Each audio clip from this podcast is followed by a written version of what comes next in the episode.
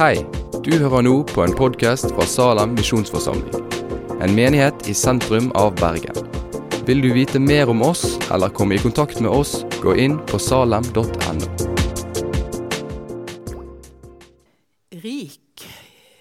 Jeg, eller som jeg ville si fra Kristiansand, rig er.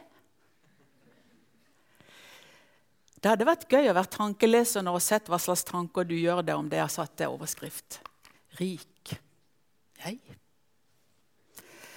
Rik går jo på det å ha overflod, og vi tenker da kanskje først og fremst på penger. Men vi kan godt utvide det til kunnskapsrik, evnerik, fantasirik. Det vers fra Bibelen som jeg har lyst til å knytte temaet til, det står i Lukas 15, 31. Og I dette kapittelet, kapittel 15 eh, så leser vi lignelsen om den bortkomne sønnen. På slutten av lignelsen så møter vi en sur storebror som irritert betrakter feiringen av hans tåpelige lillebror som sosa bort hele arven sin.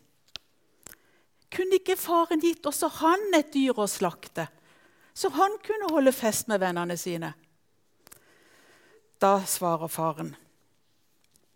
Et svar som sikkert fikk sønnen til å gispe.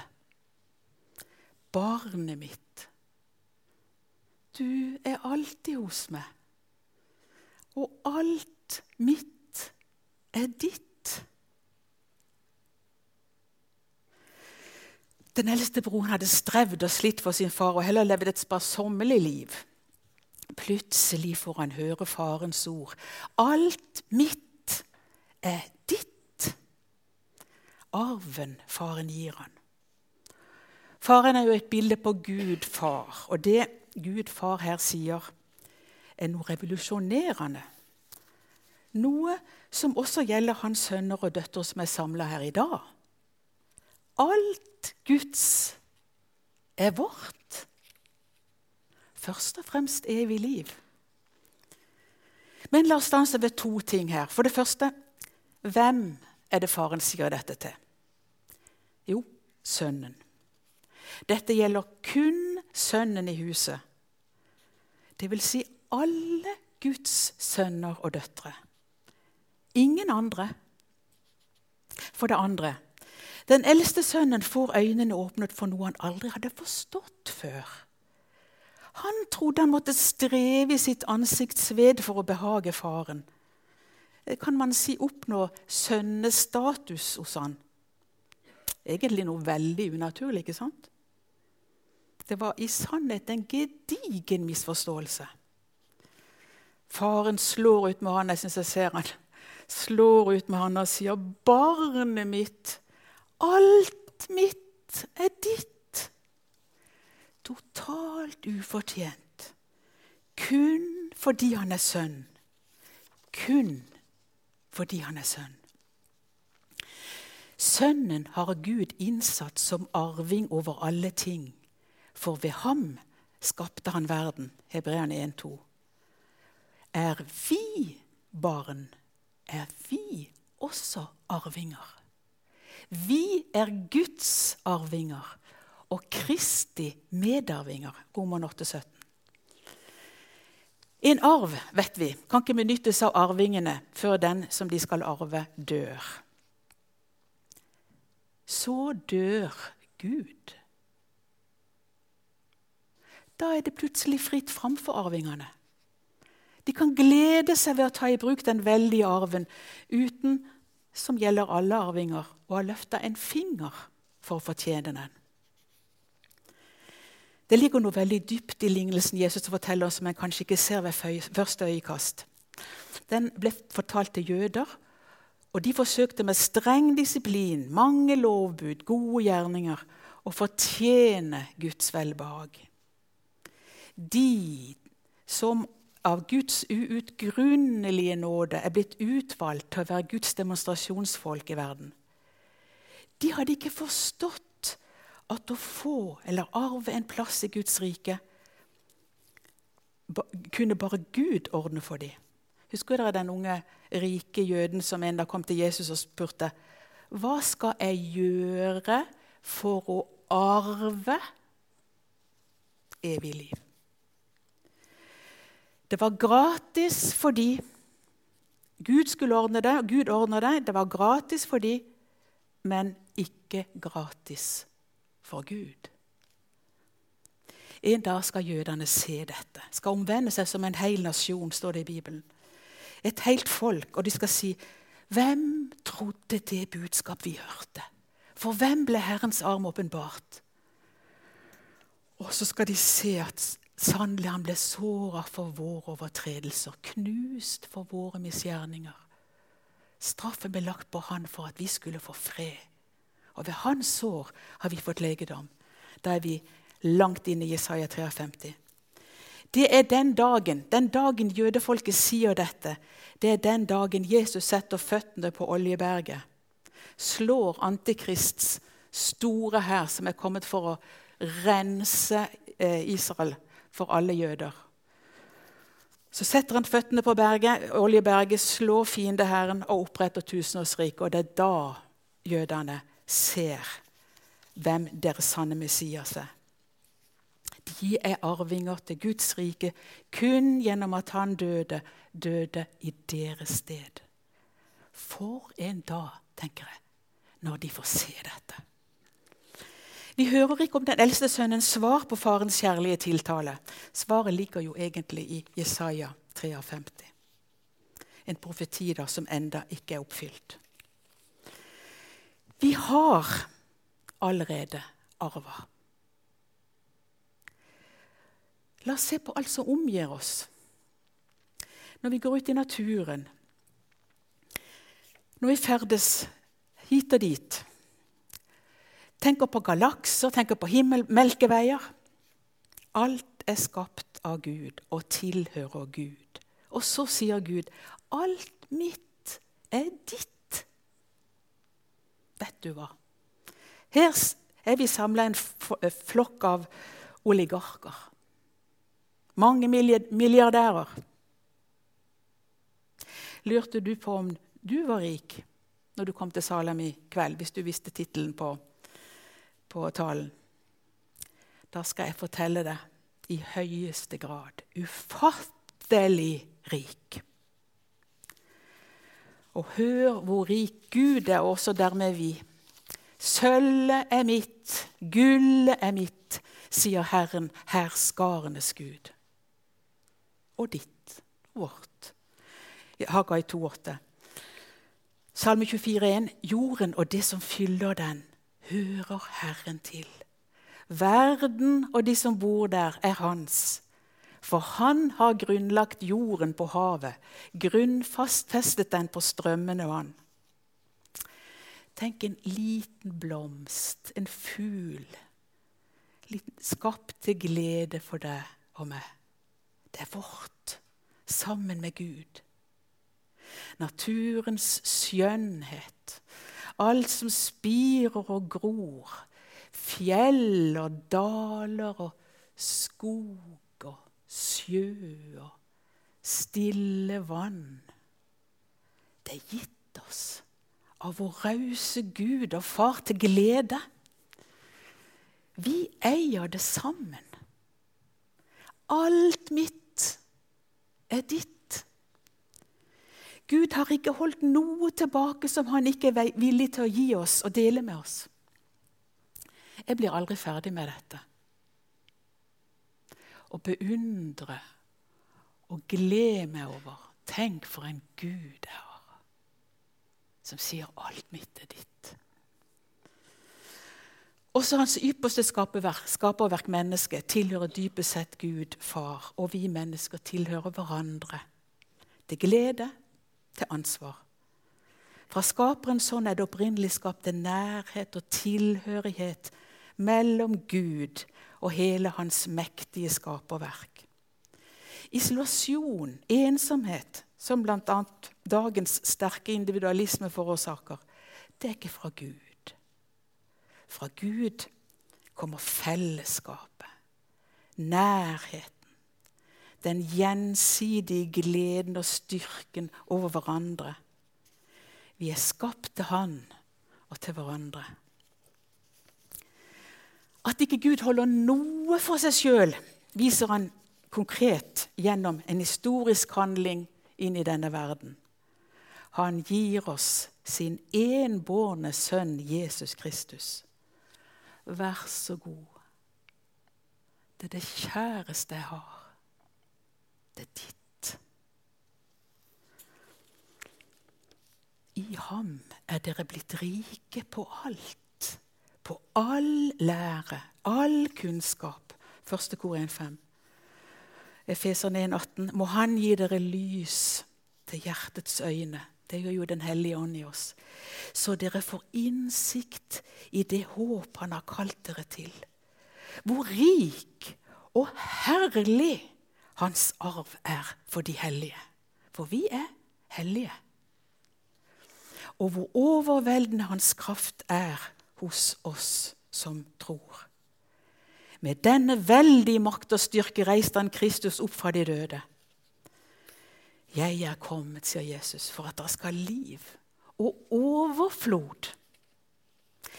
Jesus, som har all makt i himmel og på jord, sendte sine disipler ut og ga dem makt. Alt mitt er ditt. Gud er følgelig ikke en fjern far som sitter på sin tronstol i himmelen og nyter og beundrer sin rikdom. Han deler med seg. Og han er uendelig raus. Og den som lever tett med sin skaper og far, vil ligne han mer og mer. Vi har fått alt hans. Vi har fått den fantastiske arven bare pga. Jesus. Jesus utholdt de verste lidelser, fysisk og åndelig, ved å bli gjort til synd for oss. Dø som den verste forbryter. Og det står i Guds ord for å få den gleden han hadde i vente, holdt han ut på korset uten å bry seg om skammen. Og nå har han satt seg på høyre side av Guds trone. Hva var gleden han skulle få? Hva var det som gjorde at han orka dette? Gleden han skulle få, det var oss. Derfor holdt han ut. Derfor orka han det. For du, åpenbaringen 5,8, for du ble slaktet, og med ditt blod har du frikjøpt for Gud mennesker av alle stammer og tunge mål, av alle folk og nasjoner. Du har gjort dem til et kongerike og prester for vår Gud, og de skal herske som konger på jorden. Og jeg så, sier Johannes, og jeg hørte lyden av mange engler omkring tronen og de fire skapningene og de eldste. Det var myriader på myriader og tusener på tusener. De ropte med høy røst Verdig er lammet som ble slaktet. Verdig til å få all makt og rikdom, visdom og styrke, ære og pris og takk. Og hver skapning i himmelen og på jorden, og under jorden og på havet, ja, alt som finnes i dem, hørte jeg si. Ham som sitter på tronen, ham og lammet, være takk og ære, pris og makt i all evighet. De fire skapningene svarte Amen. Og de eldste kastet seg ned og tilba. Hvilke konsekvenser får dette for oss som er, sånn som Bibelen uttrykker det, Kristi medarvinger? Oppfører vi oss ikke mange ganger som vi ikke har arva? Går omkring som noen fattigluser. Og våre bønner blir mer om, om, det å få det og få det, fremfor å takke for alt, at vi alt har fått, men ikke tatt i bruk. Vi har fått all frimodighet. Vi har fått all kraft, all tro, all kjærlighet, all nådegaver, all visdom, gjort rike i Gud. Vi mangler ingenting for å leve det livet Gud hadde tiltenkt oss før verdens grunnvoll ble lagt. Vi mangler ingenting for å kunne gå ut og vinne flere for Guds rike. Vi er rike arvinger, rike i Gud. Gi hva du har, ropte en kjent pastor utover forsamlingen. Mister Åleskjær og Åleskjær. Da mente han ikke nødvendigvis at en skulle tømme lommene for penger, men gi det man har fått, det Gud har velsigna en med. Og vi har jo fått i bøtter og spann. La oss si til oss selv og hverandre at heretter vil vi ta mye mer i bruk den arven vi har fått. For vi tror ikke at vi kan bruke den opp og gå tom en dag. Investerer vi, forrenter arven seg. Vi har hørt, vi leser i Bibelen om når Jesus forteller om han som grov ned sitt pund. Det var ingen forrenting av det han hadde fått. Jeg leste forleden et råd fra en riking. Han reiste rundt og, folk, reiser rundt og forteller folk hvordan de skal bli rike. Og han hadde arbeidet seg til en formue på stor formue ved hardt arbeid. Han hadde ikke arva. Hans råd var ikke samle opp penger i banken, invester. La oss våge mer for Jesus, investere for hans skyld. La oss ikke være drevet av frykt, vi som er Guds rikinger. La oss ødsle med vår og hans rikdom til andres beste og dermed til Guds ære. Men det mener jeg bl.a. sånn som Roy Godwin har fått det lagt på seg av Gud. Ja, hvem er han? Han kommer til byen her 2.11. Skal være på, i Credo-kirken. Han og kona, Daphne, eh, starta for ca. 20 år siden et retreatsenter i Wales. Og eh, eh har, har, gitt ut eh, bøker, flere bøker, bl.a. to som er blitt bestselgere her i, i eh, i Norge. Strø, uh, Nådens strømmer er den ene, i hvert fall. Uh, de står, han har fått lagt inn over seg at han skal velsigne mennesker. Velsigne det han ser rundt seg. Og velsigne Han kan jo ikke velsigne i sitt eget navn og i sin egen kraft, men velsigne i Guds navn, i Jesu navn. Og de står ei gruppe eh, av, av, hans eh, folk eh, hver uke. På slutten av uka, fredagen, så står de på en haug der i en liten dal i Wales. Jeg var der i, i mai. Og så velsigner de buskapen, velsigner åkrene, velsigner menneskene som bor der. Og så ser de det at velsignelsen over denne dalen bare har økt. Det skjer veldig mye på dette senteret i Wales. fra Lid Brennan. Eh, mange blir møtt av Gud på en sterk måte. Og eh, det skjer både under og, og tegn, og folk blir frelst. Så det er eh, veldig mye gledelig rundt det. Så jeg vil anbefale han, Roy Godwin, som kommer til 2. Men jeg sier vi kan ause og ause raust fra arven vår, for den blir aldri tom. Tenk om vi kunne begynne å lese Guds ord med de brillene. På jakt etter hva vi alt har fått, takket være Jesus. Hva har du som du ikke har fått?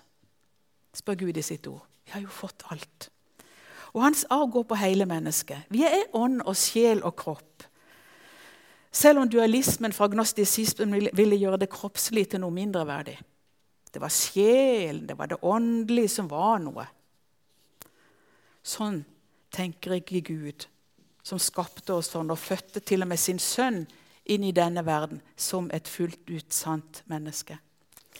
Guds rikdom dom til oss går på de daglige behov, som søvn og hvile og legedom, vennskap, mat. Vi kan stole på Gud og vår rikdom i Han i alle ting. Vi kan stole på en som ga det kjæreste han hadde, for at vi skulle få det godt. Han som ikke sparte sin egen sønn, men ga han for oss alle, kan han gjøre noe annet enn gi oss alt sammen med ham? Romer 8,32. Hvordan blir vi så Guds sønner og døtre? Vi må gå inn gjennom den trange, trange døra inn til Guds rike. Den er veldig trang. Og den blir sammenlignet med et, I Bibelen sammenligner det med et nåløye. Hvordan kan jeg komme inn i Guds rike når blir, eh, porten inn blir eller døra inn blir sammenlignet med et nåløye? Vi ser jo bare at det er helt umulig. Helt umulig å komme gjennom det. Om jeg hadde slanka meg 50 kilo, så hadde jeg ikke greid. Altså.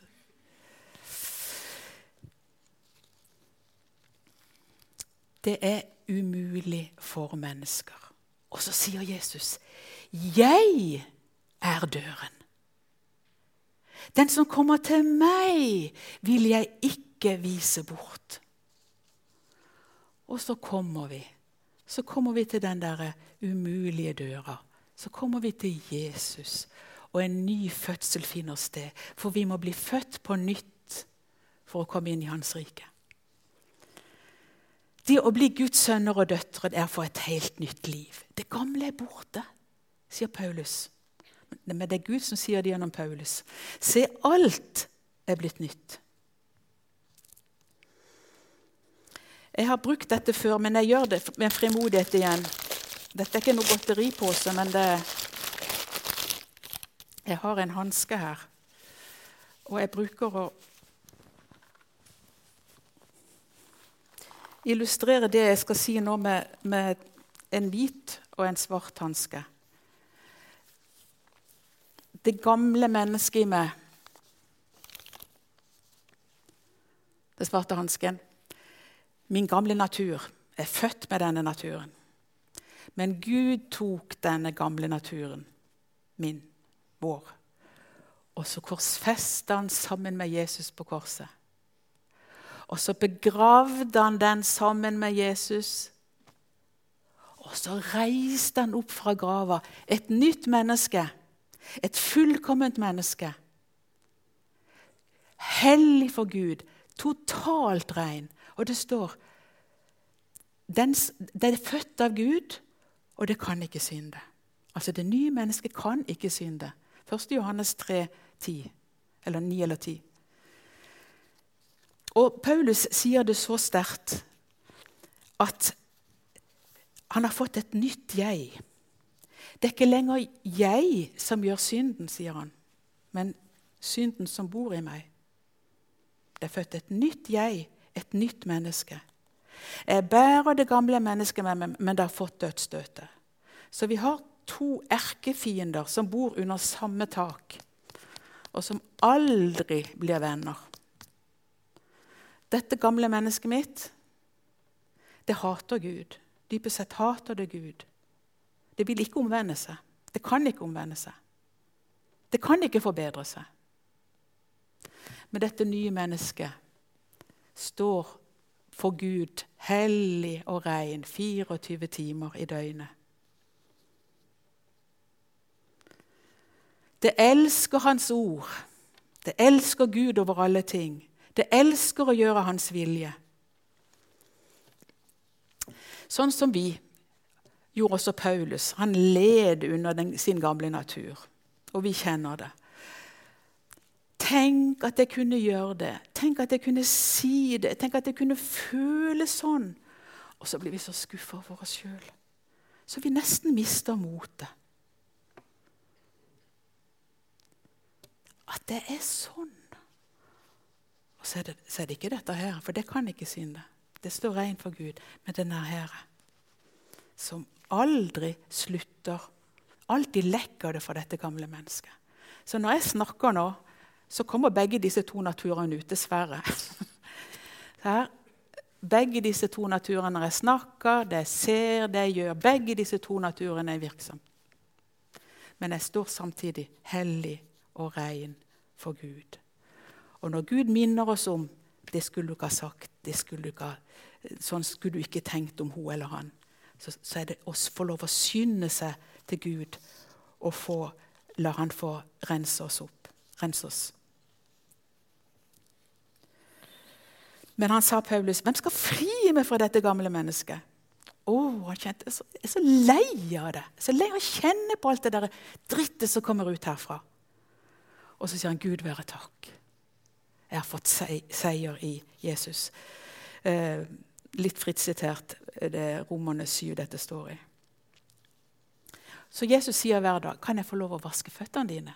Dette sa han til disiplene skjærtorsdag. 'Kan jeg få lov å vaske føttene?' Men dere er reine. Men dere trenger den daglige fotvaskingen. Og da, når vi har fått vaska oss skitten, for å bruke sånt uttrykk, så vandrer vi så lett.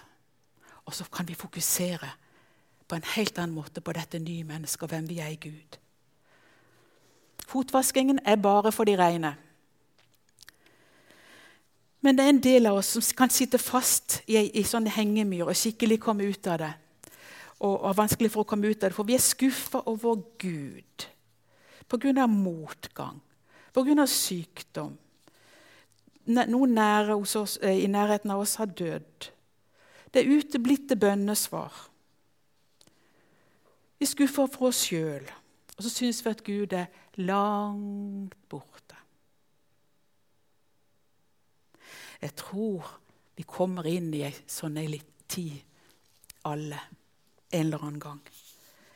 Men det som er så farlig det er å få, for et kristenliv, det er å bli der i denne hengemyra. For Satan bruker det for alt det er verdt å fraviste oss troen i sånn ei tid. Se, Gud har ikke svart. Du har bedt om det i flerfoldige ganger. Du har bedt om dette her i flere år. Hvor er han henne? Burde jo sett at han kunne gripe inn og ordne opp i det. Men vet du, for meg hadde det blitt sånn at jeg, jeg tenker at han skal ikke få fravriste meg troen. Nei, du Satan, du skal sannelig ikke få det som du vil, og som du har planlagt, og dra meg bort ifra Gud. Tvert imot. Jeg vil la Gud få enda, enda mer makt i mitt liv. Jeg vil bli enda mer brennende. Ingenting skal få la meg bli værende i denne sumpen, i denne hengemyra. En kjent, kristen, en kjent krist, kristendomsmotstander i vårt land Han vokste opp i et kristent hjem. Han var sjøl forkynner i flere år. Han ble oppringt av ei kristen dame jeg kjenner. Gud hadde minnet henne så sterkt om å ringe han. Og det hun hadde fått lagt på, Gud, for, på seg av Gud, det var spørsmålet til han. Hva, hva er grunnen til at du forlot din kristne tro? Var det noe du en gang ba Gud om som du ikke fikk? Det ble stille i den andre enden av telefonen. Gud tillater at hans oligarker hans kjære, kjære, rike sønner og døtre blir prøvd. I Jeremias 3,33 så står det det er ikke med lett hjerte han plager mennesket og lar det lide. Fest dere med det ordet. Jeremias 3,33. Det er ikke med lett hjerte han tillater. 1. Peter 1,6.: Derfor kan dere juble av glede selv om dere nå en kort tid om så må være, har det tungt i mange slags prøvelser. Slik blir troen deres prøvet. Selv forgjengelig gull blir prøvet i ild. Troen, som er mye mer verd, må også prøves, så den kan bli til pris og herlighet og ære for dere når Jesus Kristus åpenbarer seg. Vi var nylig sammen i bibelgruppa, jeg og meg. Og Da fortalte jeg i gruppa at hun hadde fått et bilde ikke sånn som du henger på veggen, men et bilde her inne som Gud hadde gitt henne.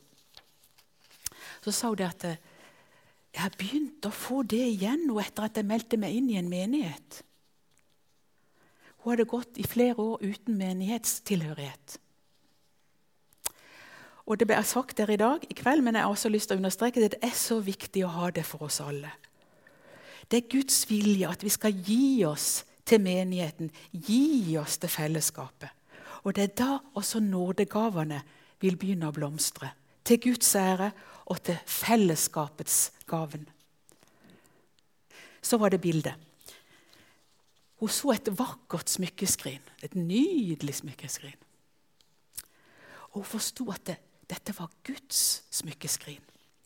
Det var grønt, og det var åttekanter. Og så så at lokket ble åpna. Og der, inne i skrinet, lå fullt av Ja, hva tror dere? Fullt av knust glass. Mellom alle disse glassbråtene var det tårer. I det skrinet ble åpna, skinte Guds veldige lysglans ned i skrinet. Og idet dette skjedde, så begynte alle tårene og glassbråtene å funkle og stråle som diamanter. Gradvis begynte vi i gruppa å forstå hva Gud ville si gjennom dette bildet. Smykkeskrinet det er en skatt for Gud. Det var ikke så vanskelig å forstå akkurat det. Guds skatt, Guds smykkeskrin. Det er åtte kanter. Det evighetstallet. Guds evige skatt. Det grønne, forsto vi, måtte symbolisere jorda, altså menneskene på jorda. Og glassbråtene i smykkeskrinet de knuste hjerter med alle tårene.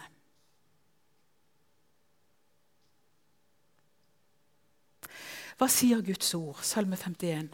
For du har ikke glede i slaktoffer. Mitt brennoffer bryr du deg ikke om. Offer for Gud er en sønderbrutt ånd. Gud, du forakter ikke et knust og nedbrutt hjerte. Salme 34 og Salme Jesaja 57. Herren er nær hos dem som har et nedbrutt hjerte. Han frelser dem som har en knust ånd. Så sier han som er høy og opphøyd, han som troner evig. Den hellige er hans navn. I det høye og hellige bor jeg, og hos den som er knust og nedbøyd i ånden. Jeg vil gi ånden liv hos dem som er bøyd ned. Gi hjertet liv hos dem som er knust. Kjære oligarker, kjære Guds arvinger, kjære Kristi medarvinger. La oss gå ut og investere. Vet du, Det er så mye rikdom og kraft her inne i Salem her i kveld at vi kan forvandle en hel by. Ja. Det er det. Gud bor i oss. Og det sier egentlig alt om våre muligheter. Tida er kort. Jesus kommer snart. Det kan være et blunk, så kommer han i skyen og henter oss. Han kan komme før dette møtet er slutt. Og Guds mening med ditt og mitt liv vi tenker at ja, når jeg har fått ferdig med studiene, så skal jeg det. Eller når vi har gjort det og det, så skal jeg det. Og da skal jeg virkelig sette meg ned med Guds ord. Da skal jeg virkelig begynne å leve det nye livet. Men det er ikke sånn. Guds mening med ditt og mitt liv er nå. Fordi ingen av oss har neste øyeblikk. Nå.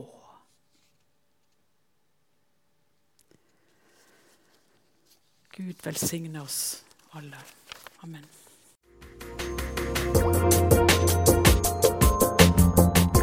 Takk for at du har hørt på podkasten fra Salem, Bergen. I Salem vil vi vokse i et stadig dypere fellesskap med Gud og med hverandre.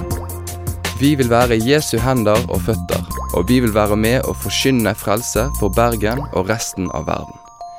Besøk oss gjerne på salem.no om du vil vite mer.